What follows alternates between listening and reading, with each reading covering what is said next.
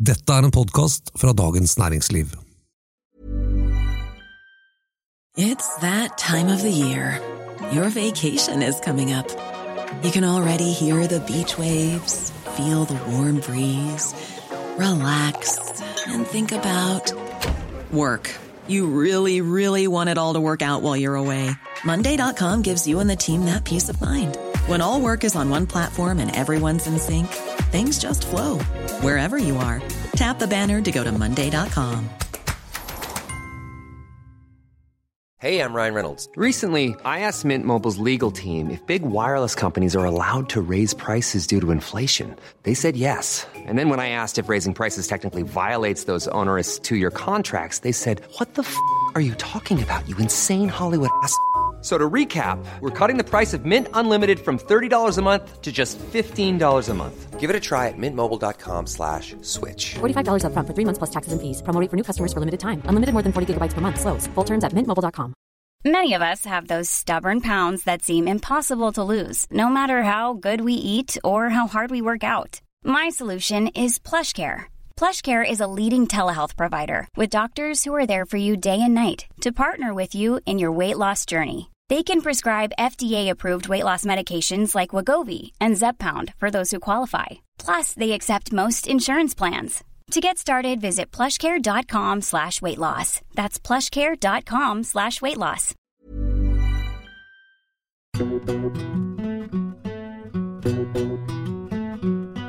Hvordan kan man være populist etter et år med pandemi og nå en krig i Ukraina?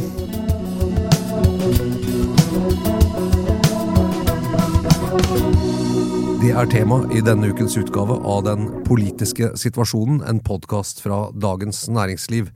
I dag uten Eva Grinde, som har fri, men med gjest eh, Kjetil Raknes, eh, instituttleder ved Institutt for kommunikasjon på Høgskolen Kristiania, men også eh, tidligere statssekretær og rådgiver for SV. En som har vært på innsiden av politikken i en del år og er opptatt av det. Velkommen. Takk skal du ha. Ja. Eh, og så har du også skrevet en bok om populisme, det skal vi si for noen år siden. Ja, det var vel i 2012, men eh, den, eh, den er fortsatt aktuell, tror jeg. Det er det. Ja, den heter Høyrepopulismens hemmeligheter, gjør den ikke? Ja. Eh, vi, vi skal snakke om populisme eh, i denne sendingen. Det er en slags spesialutgave vi har denne gangen. Men, men eh, for å ta det spørsmålet først, da går det egentlig an å være populist og politiker, eller en populistisk anlagt politiker, i den virkeligheten vi lever i nå? Ja, det er et veldig godt spørsmål, fordi at når pandemien kom, så så jeg det var flere som sånn This is the death of populism. Og flere kommentatorer som sa det. Sant? Fordi at du kan ikke nå være den som skal være i opposisjon lenger. For populisten er jo ofte i opposisjon til ekspertene og eliten og det bestående. Eh, og så kom jo eh, også nå i tillegg eh, invasjonen eh, av Ukraina, hvor da mange europeiske høyrepopulister har jo posisjonert seg ofte sånn rosende rundt Russland. Og så har jo Tybring-Gjedde og Hagen vært de i Norge som har vært mest sånn pro-Russland. Men det mest fascinerende med populismen som fenomen er jo nettopp at eh, i og med at du er populist, så er det jo heller ikke så vondt å skifte mening. Så, så dermed så har jo mange europeiske populistpartier plutselig blitt for smittevern, blant annet, og begynt å tro litt på vitenskapelige råd. Og hvis du så Marine Le Pen i det franske presidentvalget, så eh, trakk hun jo tilbake. Hun skjønte jo såpass at plakaten hvor hun og Putin håndhilste, altså den løpeseddelen, den kan vi glemme nå. Ja. Og så kommer, vi opp med noe, så kommer vi opp med noe nytt. Så svaret er jo ja, det har nok blitt vanskeligere, men det betyr jo ikke at de ikke klarer å tilpasse seg nye omgivelser. Nei. Men hvem er det som ligger best an, hvis du, ser, så- hvis du skal se på det litt sånn eh, globalt, da? Trump? Eh, Ja, altså det, men det som du kanskje kan si, er at vi lar jo ofte våre trender preges av det vi ser i USA, og det vi ser i Storbritannia. Og både i, USA, altså I USA så kan du si at inkompetansen til Trump knyttet til pandemien var medvirkende til at han tapte valget. Så du kan si at, Og Bolsonaro i Brasil, som også er en sånn av de mer sånn men, men i noen land så er ikke populistene så utagerende. De er ikke liksom eh, altså I Skandinavia for eksempel, så har vi jo for veldig få som aktive politikere som for ikke tror på vaksiner. Så, det, så det er jo veldig store forskjeller mellom, mellom land her. Men jeg, men jeg tror hvis du så på Boris Johnson og på Trump, så tror jeg mange tenkte at dette er ikke liksom de inkompetentes tid. nå er det på tide å lytte til, uh, lytte til ekspertisen. Så, men sånn generelt så har nok pandemien, sånn som jeg ser det, hevet på en måte statusen til folk som kan ting. Det, det, det, tror jeg. Altså, I hvert fall mitt inntrykk sånn på tvers av land, så, så er det ikke så dumt, det er ikke så teit å være ekspert på TV, mm. som kanskje en del skulle ha det til uh, tidligere. Mm. Det er veldig uh, mye å snakke om, og det populismebegrepet i seg selv er jo til og med er jo litt sånn omstridt. Hva ja. er det egentlig? Sånn. Ja. Men, men, hvis vi prøver å se det som du skrev i den boka 'Høyrepopulismens hemmeligheter', som ja. en gjennomgang av både historisk og, og, det aktuelle i flere europeiske land. Frp, det var Sverigedemokraterna, det var i, i, i, USA, det var, sant, det var, i mange land. Men, mm. eh, men da heter jo høyrepopulismen De siste årene har man vel sett en form for altså noe av den samme politiske greiene, mm. men, men, ikke nødvendigvis knyttet til en høyreideologi. Nei, så bare for å ta det sånn eh, det begrepsmessige, da, så, så, snakker vi om at når vi snakker om høyrepopulister, så sier vi ofte at det er tre ting som er viktig for at du skal være det. Det ene er jo det at du er, har det vi kaller ekskluderende nasjonalisme. Altså at du mener at visse grupper tilhører nasjonen, og andre ikke tilhører det. Og det andre som vi har sett spesielt med den Russland-dimensjonen, som jeg nok undervurderte i min tid hvor kraftig var, er det vi kaller autoritær verdiorientering. Det at de ønsker orden, kontroll, strengere straffer, den typen ting. Og det er jo litt av grunnen til at mange populister, høyrepopulister har vært trukket mot Russland. Det er jo liksom ideen om eh, liksom, at man er for familieverdier, den sterke mannen, den tingen. Og så har du den tredje, som er liksom populisme. Og det betyr jo egentlig bare at ulike former for elitekritikk. Og litt av det som er kinkig med populismebegrepet, er jo at elitekritikk er jo noe som både høyre- og venstresiden er gode på. Så derfor så kan du si at Trygve Slagsvold Vedum har ofte vært sagt vi kan si at han er periferipopulist. Mm. Fordi at Poenget er at eh, høyrepopulistens fiendebilde er islam mot resten. Ja. Eller innvandrerne mot oss. Det er liksom den grunnleggende konflikten. Mens for Vedum så var det jo plutselig elsykkelgjengen i departementet ja, ja. som på en måte da utgjør det. Og han lekte jo veldig i valgkampen lekte han jo veldig med de begrepene, syns jeg. At han lekte med ulike måter å omtale eliten på. da. Mm. Og så har du da det vi kan ikke så uttalt i nå, men kanskje Rødt, eh, Mime Kristiansson på, på, en frisk, liksom, i en frisk debatt. Han vil jo være da eh, venstrepopulist i den forstand at det er de rike. Sant? Altså det Konflikten du dyrker, er de rike mot, mot resten. Mm. Uh, så, så, så, det Men liksom Og så kan du si også at med høyrepopulisme så kanskje det største problemet deres er kanskje hvordan innvandringssaken nesten har forsvunnet i Altså, det er jo kanskje det største strategiske utfordringen hvis du er høyrepopulist i Europa i dag. Det er sånn Når Russland invaderer Ukraina og, og vi har mangel på vaksiner, så er ikke det så veldig sånn innvandringskritikk. Og det ser du kanskje litt på Frp nå òg, at de, de, er litt sånn på leit. Ja. I, I, valget i fjor, så, så, bare en sånn rask summering Hvis du la sammen Senterpartiet, Rødt og Frp, så mm. fikk du jo en sånn en drøy fjerdedel av, mm. av liksom eller velgermassen. Mm. Og, og, så jeg noen var sånn Ok, det er omtrent liksom protestsegmentet. Og, og, det er en intern slåsskamp på en måte om å få tak i de, og Senterpartiet var jo veldig gode. Eh, altså I tillegg til tradisjonelle velgere, så var de også hadde godt grep om denne ja. massen. Og så, så hvis, man, tror, hvis man gjør den samme summeringsøvelsen på de tre partiene nå, så er jo summen mye lavere. Mm. Eh, men er det fordi de slumrer, eller er det skjedd tror du, en reell endring i, i velgermassen her som gjør at eh, at liksom denne ja, retorikken som du beskrev nå, ikke, ikke, appellerer med samme tyngde lenger? Nei, altså, jeg, jeg tror at for, for, norsk politikk sin del, så, så, kan du nok si at rommet for liksom, populisme har blitt litt trangere de siste årene. Mm. Og så tror jeg at altså Det med Russland sant? det må Vi huske, vi ser det, det merker du veldig, at nå er det Høyre Arbeiderpartiet. Folk er litt altså de, folk samler seg litt om de store partiene. og det, har jo litt, og det vet vi jo fra forskningen tidligere, at kriser har ikke alltid vært så bra for populistpartiene.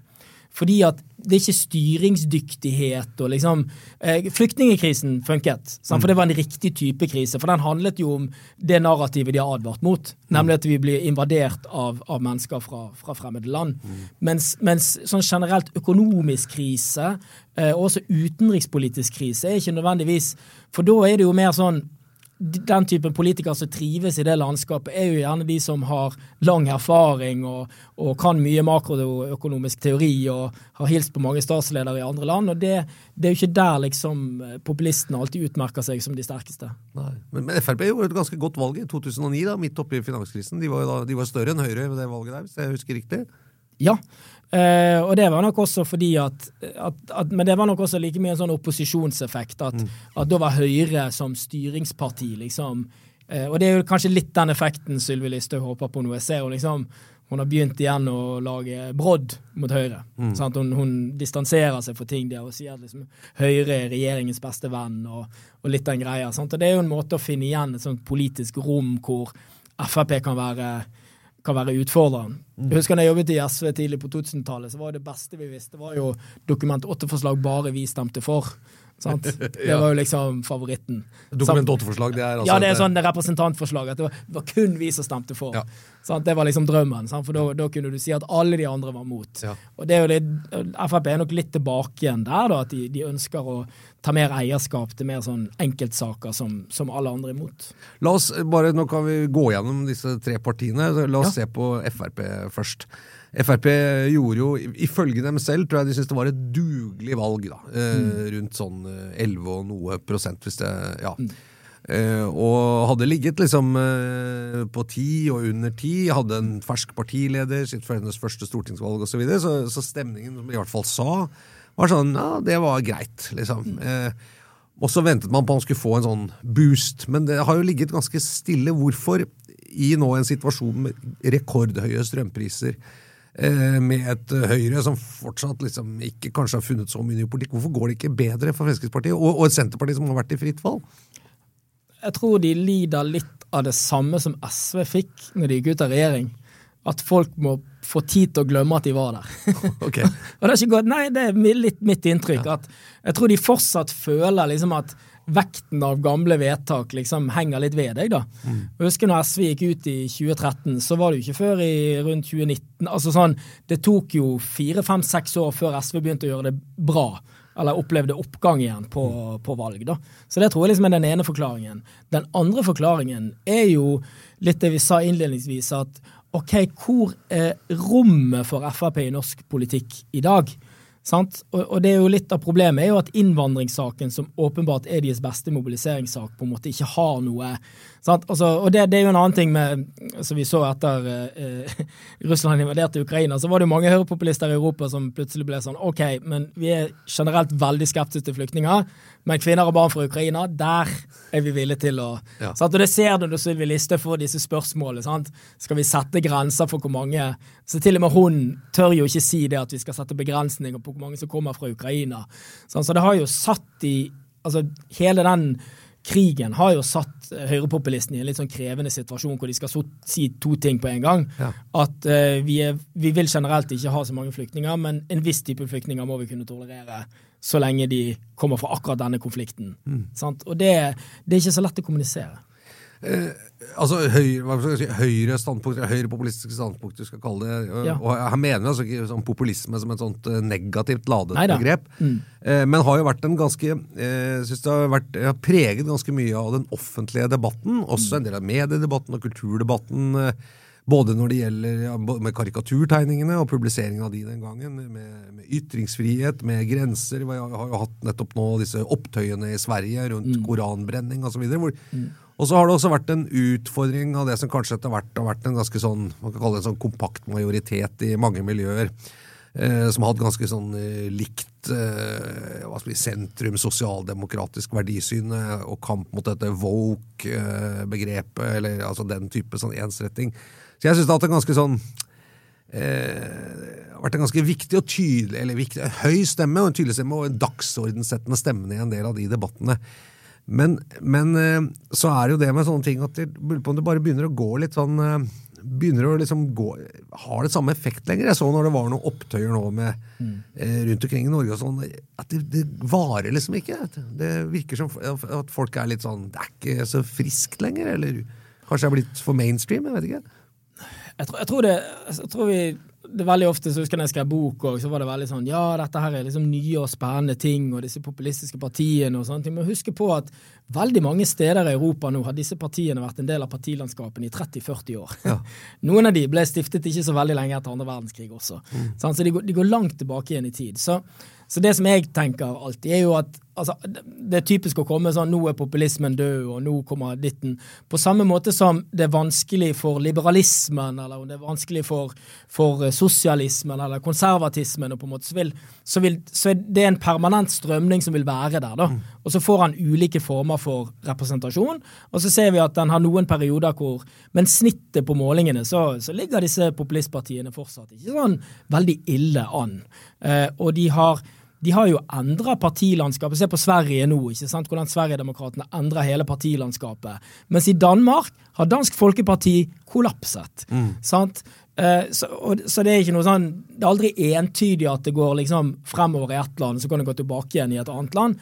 Og jeg tror liksom, Hvis du ser på Frp og FrPs historie, så er jo den preget av det samme som mange andre partier, nemlig sånne enorme høyder og dype bølgedaler. Sant? Og nå er Frp inne i en slags ny bølgedal, for nå er det en sånn postmaktbølgedal for Frp. Mm. Og det, hvis du tenker tilbake til SV òg, SV måtte liksom finne seg sjøl som et parti som ikke bare var opposisjon, men et parti som skulle ha makt igjen. Og da måtte de finne en rolle som på en måte kunne sant? Og det er litt av dilemmaet til Frp nå også, at de vil jo gjerne tilbake igjen i en posisjon. Mm. Og, og, da er jo spørsmålet kan vi mene like ville ting som vi gjorde for ti år siden, og samtidig komme tilbake. Ja. Det er nok det største dilemmaet til Sylvi Listhaug. Det andre som er mest spennende med Sylvi Listhaug, syns jeg, er jo hvordan effekten av hennes sosiale medieshow plutselig bare forsvant. Ja. Altså, husker, altså, sånn, det, var jo, det, var jo, det Alle satt jo i en periode og ventet på når skal hun oppdatere Facebook, og kan vi skrive noe om det? Men da må jeg spørre til deg som journalist. Hvorfor, hvorfor har dere mistet interessen for Sylvi Listhaug sin aktivitet på sosiale medier? Jeg tror det var det jeg var inne på litt i stad. Altså at, at, det var jo noe overraskende der. og Det var en sånn slags sjokkerende ting. Og det, var, og det avstedkom alltid mange reaksjoner. Mm. Uh, og det kostet henne jo til og med en statsrådsjobb, en av disse postene. Ja. Uh, men så Jeg så en del på den Jeg har sett ganske mye på hennes Facebook-oppdateringer fra valget og frem til nå. Og det er veldig mye den samme melodien. Eh, og litt i samme typen altså kommunikasjon. Veldig sånn eh, polarisering. Mener du sånn eller sånn?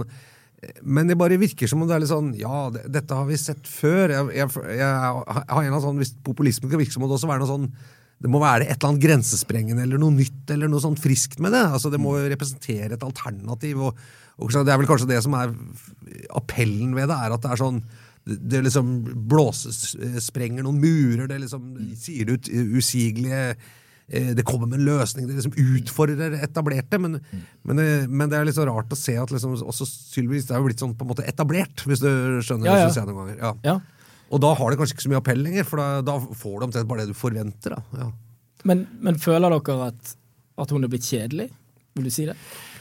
Eh, nei, det, hvis, nei, det, nei, kjedelig vil jeg ikke si, men jeg vil si at det, det, er klart at det var mye mer sprengstoff i det hun sa da partiet hadde makt og var ja. en del av regjeringskonstellasjonen. For da, mm. da, var det jo mye mer brennbart i den konstellasjonen. Eh, når de hakket på venstre, når de mm. liksom truet og de til og med hadde gått ut av regjeringa, så, så, hadde det jo en mer sånn eksplosiv kraft. Nå, mm. nå, er det jo litt mer sånn avmakt, ikke sant? Fordi, ja, og, ja. og det der, jeg tror liksom det med kontekst alltid spiller inn. Sant? Nå er hun jo bare partileder for et, eh, for et parti i opposisjon som ikke har noen muligheter til å danne flertall. Sant? Så nå er hun jo liksom der mange partier ofte Nå er det litt sånn ørkenvandring. Sant? Hvordan i all verden skal vi komme oss tilbake igjen til noe som kan, kan gi oss makt eller kan gi oss innflytelse over det norske samfunnet? Men så tror jeg det, som vi diskuterte tidligere også, er liksom at de irriterer seg nok. Og det tror jeg Det å være i opposisjon Altså når vi Først hadde vi koronakrisen. Det er jo ikke så lett å være i opposisjon under koronakrisen og si som liksom Espen Nakstad, vi har en alternativ plan. Altså, og så er Norge litt et konsensusdemokrati. så når, når det liksom, og Sånn som med krigen i Ukraina òg, du har ikke noe sånn veldig lyst til å være sånn på en helt annen planet på de spørsmålene. Og Det gjør jo også at der på en måte kanskje Frp har jo vært god som konfliktentreprenør. Sånn de finner på gøye konflikter. Mm. Og det er jo litt av grunnen til at journalister har digget Frp. Ja. er jo nettopp Det at det var en gøy konflikt. Ja. Den kan vi dra rett inn på Dagsnytt 18. Ja. Men det er kanskje litt sånn Ligger litt i tiden nå at med det alvoret, liksom, når du lurer på om Putin egentlig sysler med tanken om å bruke liksom taktiske atomvåpen, så det liksom føles det liksom sånne utspill på sosiale medier fra Sylvi. Jeg vet ikke, det kan Nei, det, har- ja. det kan godt hende.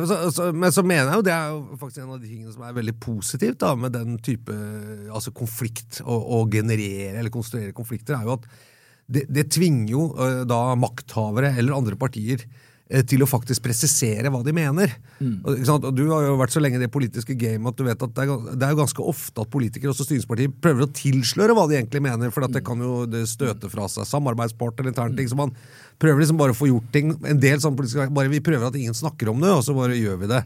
Eh, og det er en, sant, en god utfordring, og dette syns jeg også Rødt er ganske god på. Så snakke litt om Rødt også, nemlig å få satt på Ja, men dette mener vi om den saken, og da avtvinger vi dere fra, til å komme med et ordentlig standpunkt, eller et mye klarere standpunkt. Altså, ja. Rødt, liksom Før krigen så minnet Rødt meg veldig om SV 2001-varianten. ja. Klokkeklar. Ja. Var alltid klar med et representantforslag i forslaget på alle ting. Og partiet har en tydelig mening som tvinger sånn som du sier, tvinger de andre til å svare. Hvorfor stemte du for det? Hvorfor stemte du for det? Eh, så der, der, og der traff jo de egentlig mye bedre enn Frp. For det virker som om Frp på en måte nå sliter med å finne formen som Så er det nok litt den stortingsgruppen der virker heller ikke sånn veldig dynamisk.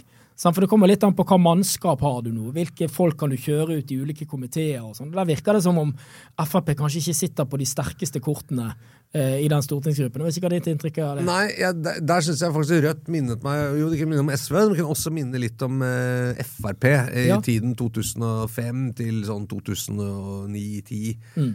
Som jo var en, eh, en eh, et, et bredt felt av veldig dyktige politikere. Var veldig pålest. Mm. Eh, de var veldig klare i meningen. De fikk, liksom, de fikk lagd debatt av alt, og de var på alle saker. Frp hadde på en måte opposisjonspolitikk på alle mulige felter. Mm. Ja.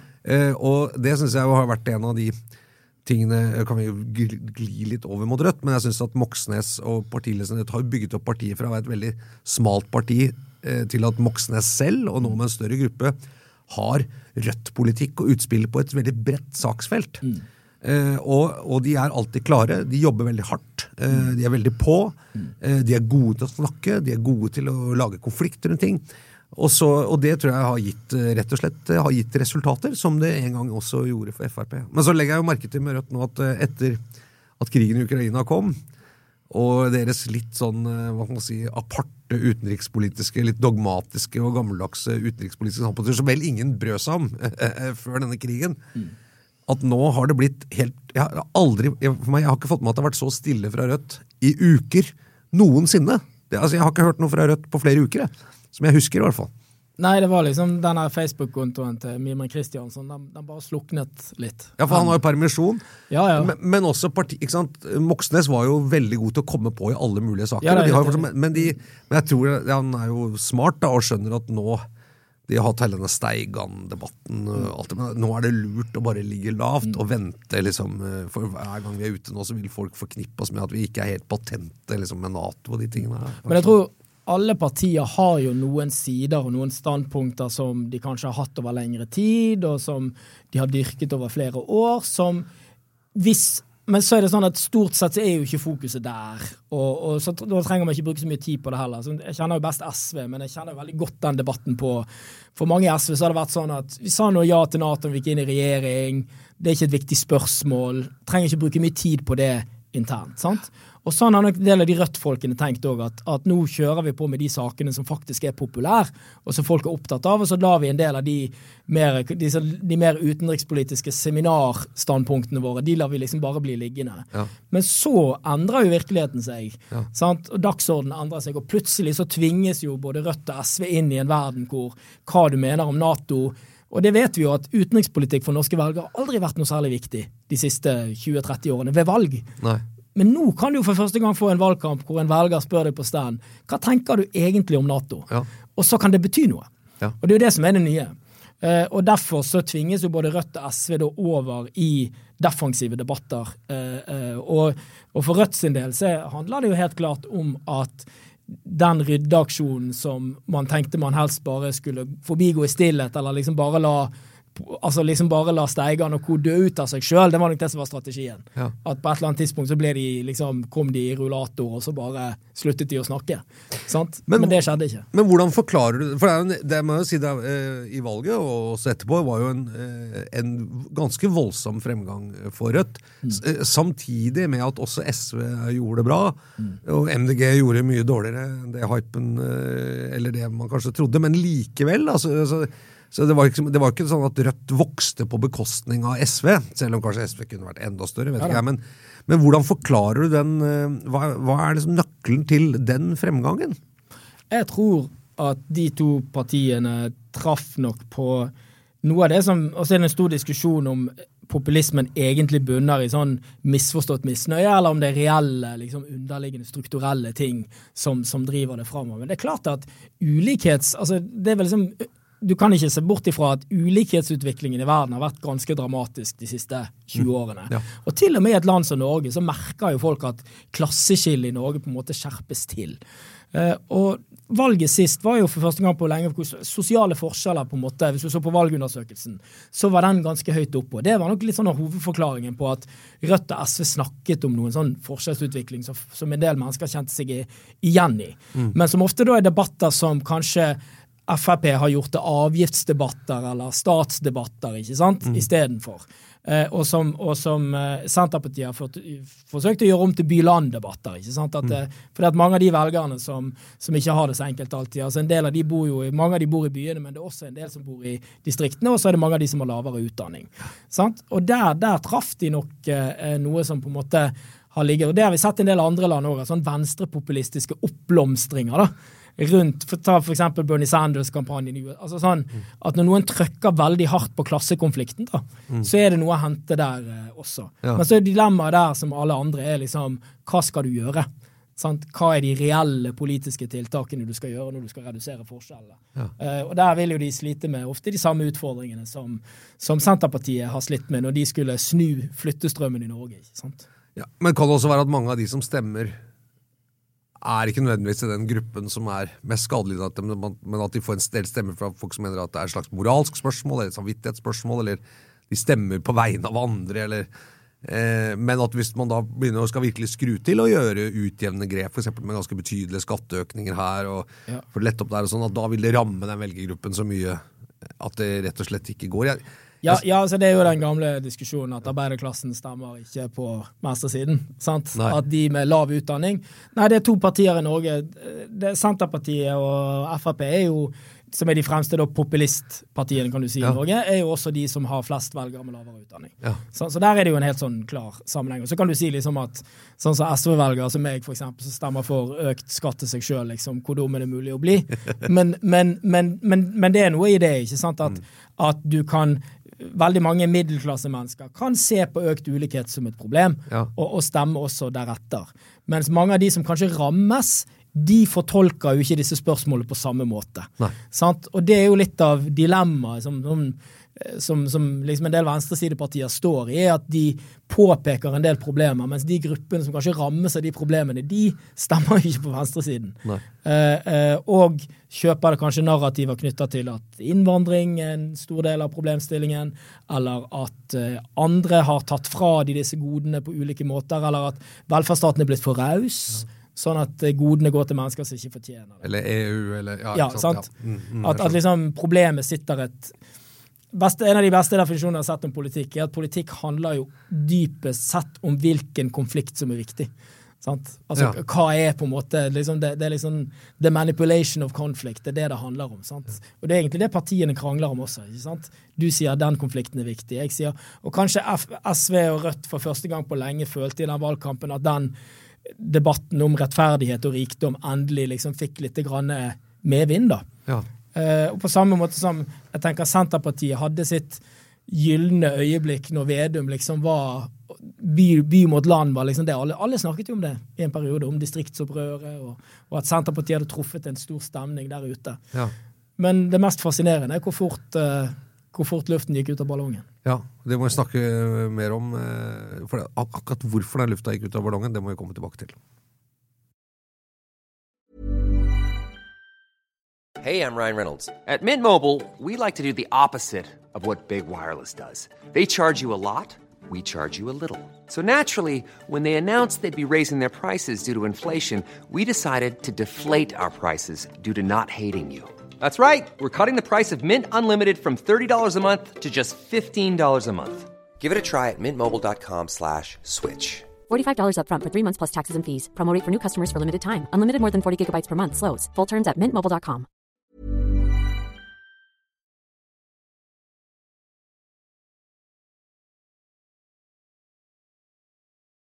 Ja, for, for eh, vi må litt til det eh, Altså den, den derre eh, lufta hvor den har gått ut av den Senterpartiballongen, og hvor fort det har skjedd, eh, det er jo eh, jeg vil si, er kanskje det mest dramatiske som har skjedd, som jeg kan huske på en, på en god stund med, med et parti. Altså Det har liksom gått, det har gått galt bare fra, fra dag én omtrent, det. Fra de kom inn i regjering.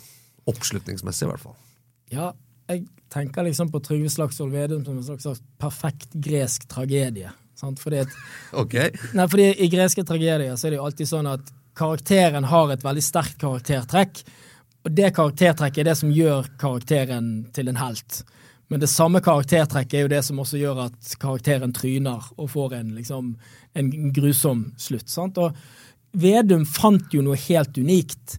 Sant? Han klarte å dyrke fram en sånn folkelig distriktsprofil som helt åpenbart traff noe. Og når han var på høyden og gikk rundt med den kaffekoppen, sant, så skrev jo også du kommentarer om at Vedum er liksom, og var på landsmøte og holdt disse talene uten manus, og, og han gikk rundt der og han drev ikke med sosiale medier. Og da mente jo mange at her har Vedum funnet noe. Han har funnet, og han gikk jo til og med så langt at han skulle altså når og han begynte å møte med han, og han skulle overta norske byer. ikke sant?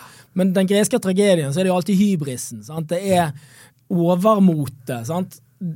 Og det var kanskje da når Vedum trodde at han sjøl Han trodde på sin egen Han forsto ikke at dette var noe som var tidsbetinget. Han skulle bli statsminister. Ja, Han skulle bli statsminister, ikke sant? Eh, og det var kanskje der jeg tenkte når det Senterpartilandsmøtet de lanserte han som statsminister, det er jo vendepunktet i, i, i tragedien. sant? Ja. For der går hovedkarakteren, hybrisen blir for voldsom. Han tråkket over streken. Lanserte han seg selv som statsministerkandidat. Og siden det har vel det jevnt gått nedover, i den forstand at Vedum har liksom den gamle rollen virker ikke lenger, de gamle triksene virker ikke lenger. Og det som er det mest interessante, er jo at hvis du sammenligner han med Kristin Halvorsen og eh, Siv Jensen, så var de litt i samme situasjon. De var litt sånn overbudspolitikere som plutselig ble finansminister. De gikk rett i garderoben, tok på seg veldig ordentlige klær, gikk ut og sa at nå er det ny oppsetning. Nå skal jeg være ansvarlig og respektert finansminister. Vedum gjorde noe, han, han meldte seg vel på Maskorama. Altså, altså det, jo, altså det virker som han ikke klarte å bestemme seg for at nå må jeg bare skifte rolle. Fordi at det fins jo ingen annen måte å være finansminister i Norge. Du blir aldri populær, men du kan i det minste bli respektert. Du kan bli respektert. ja. Ja. Sant? Mens han har på en måte valgt ingen av delene. Han er verken populær eller respektert. Ja, Jens Stoltenberg var vel populær, kanskje? I, i befolkningen? Jeg vet ikke. Jeg vet ikke, jeg, jeg tror vi Sigbjørn Johnsen?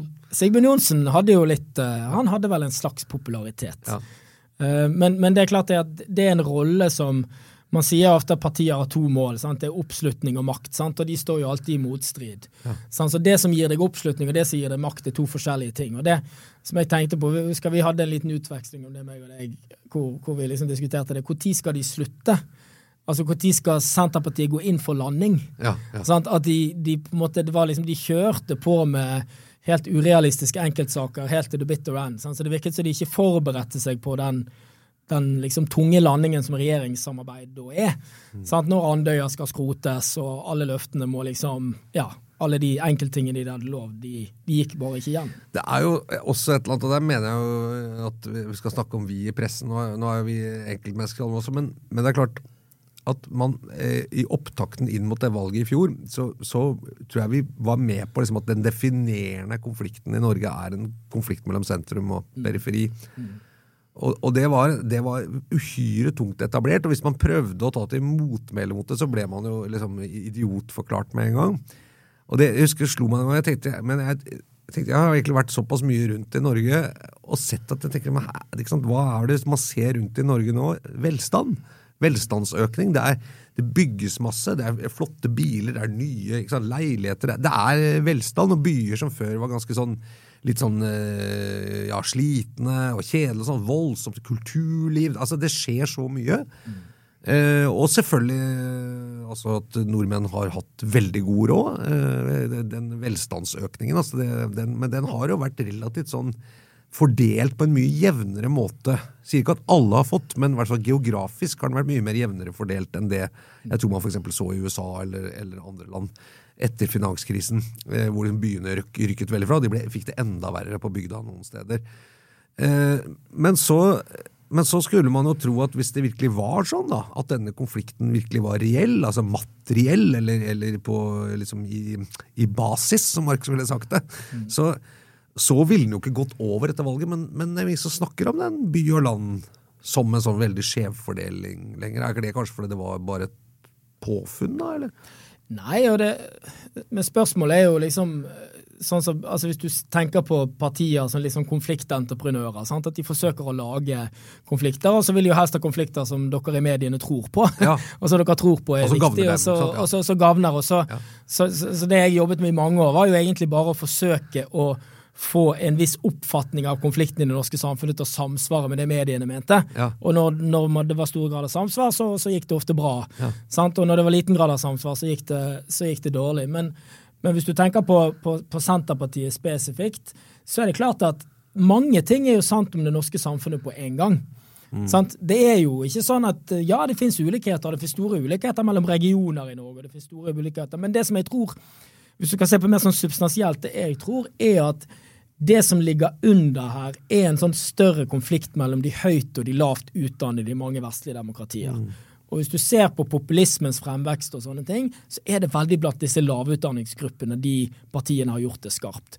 Og Der tror jeg vi ikke skal lulle oss inn i en forestilling om at det er reelle maktforskjeller i våre samfunn.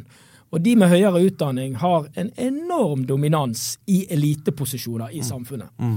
Og så, så litt av den det som ofte kan høres ut som sånn her eh, man, man, stoler ikke på praktisk kunnskap, det har, ingen, det har, liksom ingen verdi lenger å kunne ting og sånne ting, bunner jo litt i, i det. Så, og det mener jeg er helt sånn Det er nok reelt. Mm. Og så blir det nok en del av de provosert over at de med høyere utdanning så hvis, altså Eliten i Norge så er det over 90 som har mastergrad når man måler det. ikke sant? De sier ofte sjøl at vi ikke har så mye makt. Uh, og det, Der pekte nok Vedum på noe som jeg tror var riktig. da. Ja. Uh, og der, der, der, så jeg som av og til den, den der, de der prinsippene hans for politisk kommunikasjon og det der snakk enkelt, være ute hos folk og sånne ting, det, det tror jeg hadde en veldig stor appell. sant? Men ja. så er jo problemet at når han sjøl skal inn, sant? da blir det litt sånn når han sjøl skal inn i den samme eliten og endre på ting, og, sånn, og, og sånn, da, da funker det jo ikke. Nei, da blir det Fordi at da blir du liksom bare altså, Det er jo riktig som de sier. Altså, han, ble jo, han ble jo slukt av systemet. han ble jo det. Men det, men det, er jo også, også, et interessant trekk å se at i hvert fall hvis man skal se på analysene fra sånn Poll og Polls og de som ser på målinger og mm. bakgrunnstall og sånn, er at mange av de velgerne som nå forlater Senterpartiet, eh, de går jo til Høyre, som er et klassisk hva man skal si, urbant eliteparti. Ja. Så der er det jo også et eller annet som ikke går i hop. Hva var motivasjonen for å stemme på Senterpartiet da? Ja, men jeg tror bare at også det som vi vet om moderne politikk og sånn, altså og det, det, tror jeg det som Senterpartiet undervurderer mest, det er klart at folk som er sur og misfornøyd, de er jo ikke lojale. og det er nok det som er moderne norsk politikkdilemma. At det er, det er, en stor gruppe med mennesker som potensielt sett er misfornøyd med veldig mye. Men de, tar, altså, de bruker ikke lang tid på å flytte seg rundt. Så, så, med en gang de ser at den misnøyen på en måte ikke ble artikulert, eller liksom ikke ble på en måte eh, kvittert ut, så var veien rask eh, til og Da kan vi tenke kanskje Høyre kan ordne dette. Ja. og Det er jo fint å ha mange partier, for da er det jo alltid det er mange steder for de misfornøyde å gå. da. Eh, så, så, eh, og det ser vi også på valgforskningen, at eh, det at mange, flere og flere skifter parti fra valg til valg. Og det gjør jo at også risikoen sånn så Det som du sier liksom med Senterpartiet, er jo veldig unikt. At du går liksom fra 20 til 6 ja. i løpet av et års tid. Det er friskt. Det er friskt. Men det viser jo også hvor mye bevegelse det er, da. Mm. Eh, hvis jeg husker riktig, så, så snakket du om i, i boka 'Høyrepopulismens hemmelighet, hemmeligheter' at eh, fra 2012 at også, eh, også innebar en slags sånn glorifisering og idealisering av fortiden. Ja. At det lå der at man liksom så, altså, Og det var veldig Trump. ikke sant? Make America great again. Mm. Stålverkene skulle opp, ikke sant? og mm. alt skulle det, altså det var et slags det forgangne som var mye bedre enn i dag. Eh, og jeg syns jo også kanskje at eh, Senterpartiet var, var egentlig ganske gode også på den dimensjonen. Eh, hva skal man si om det er reaksjonært? Liksom. Det var noen sånne ting var litt bedre før. Mye var bedre før. Det var et Norge som var enklere å kjenne igjen osv. Så, man kan si det er en slags sånn poetisk rettferdighet da, at de velgerne som forlater han vil ha den statsministeren de hadde før. At det kanskje er det til, at det går så kort tilbake at de sier nei, det var bedre under Erna. Ja, men jeg, har ikke, jeg har ikke tenkt så mye på det, men det er klart at det som er unikt med Fremskrittspartiet, er at de er nok et av de få fremtidsoptimistiske høyrepopulistiske partiene i verden. Ja. Sånn, fordi at i, i Norge, sant, med oljefond og sånn, det har aldri det der greiene sånn, det var bedre før. Det har aldri solgt så bra. da.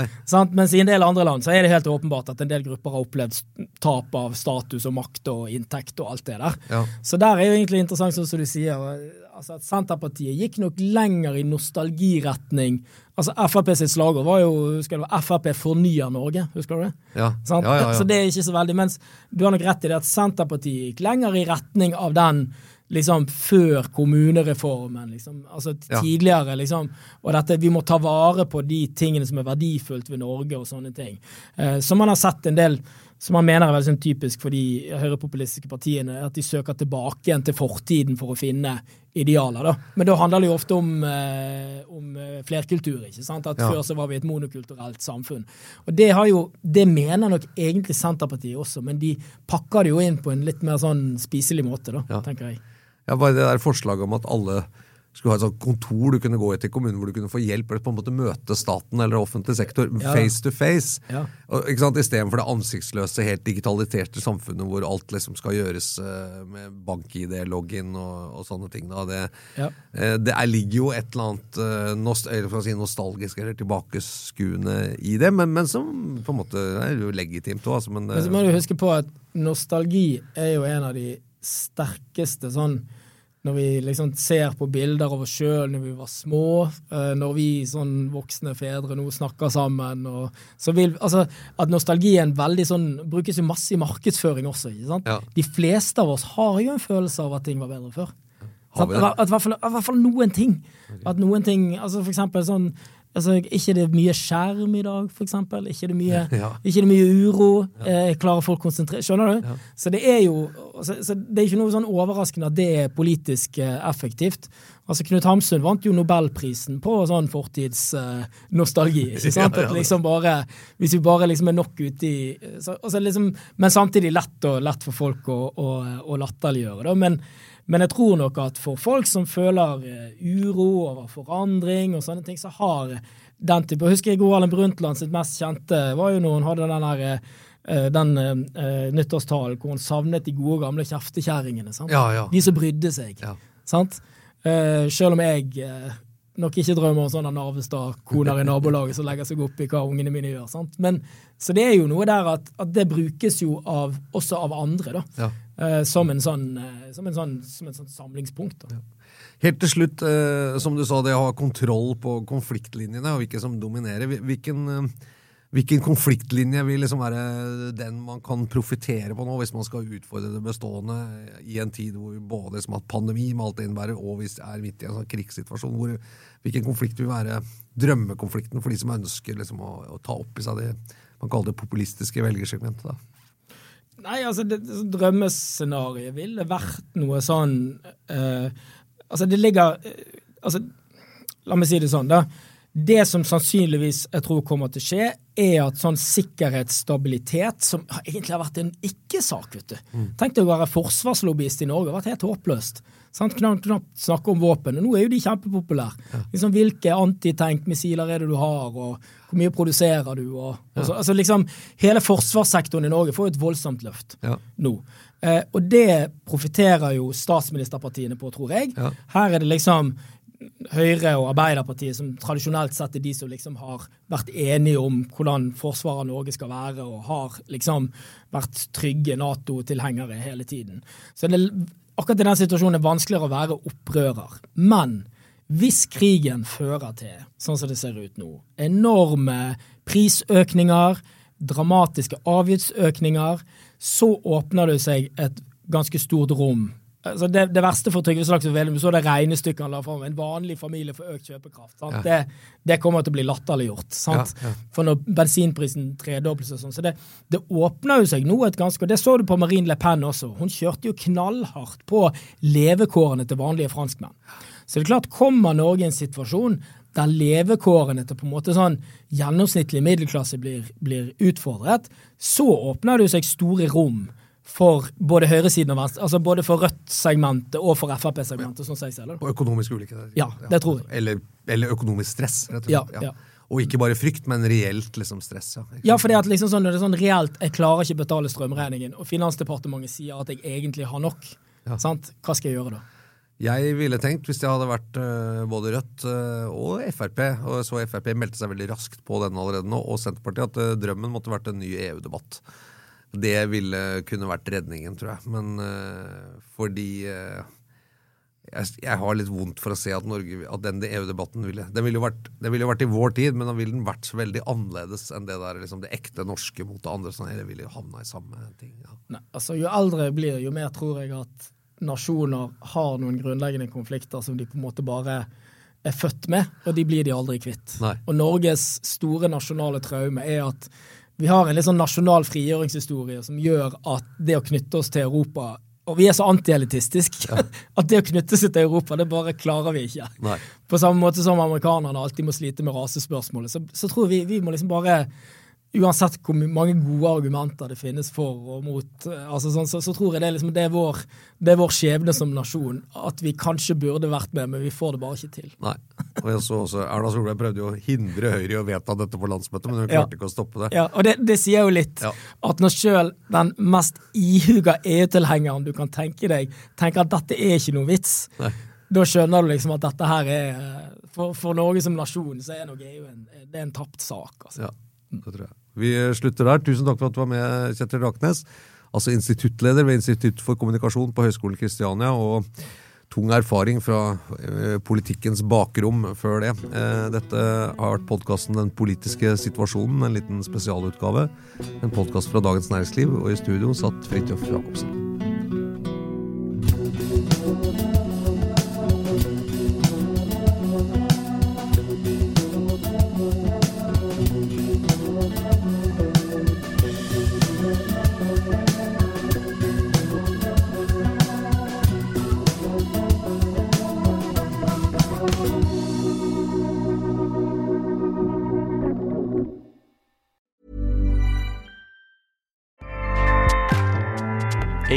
Powers the world's best podcasts.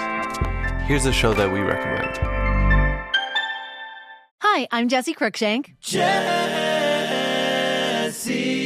Cruikshank. I host the number one comedy podcast called Phone a Friend. Girl, let's phone a friend. Not only do I break down the biggest stories in pop culture with guests like Dan Levy and members of InSync, I do it with my own personal boy band singing jingles throughout because it's my show. It's your show, girl. New episodes of Phone a Friend Yeah. drop Thursdays wherever you get your podcasts. So work it, girl. Yeah, work it. Okay, that's enough. ACAST helps creators launch, grow, and monetize their podcasts everywhere. ACAST.com.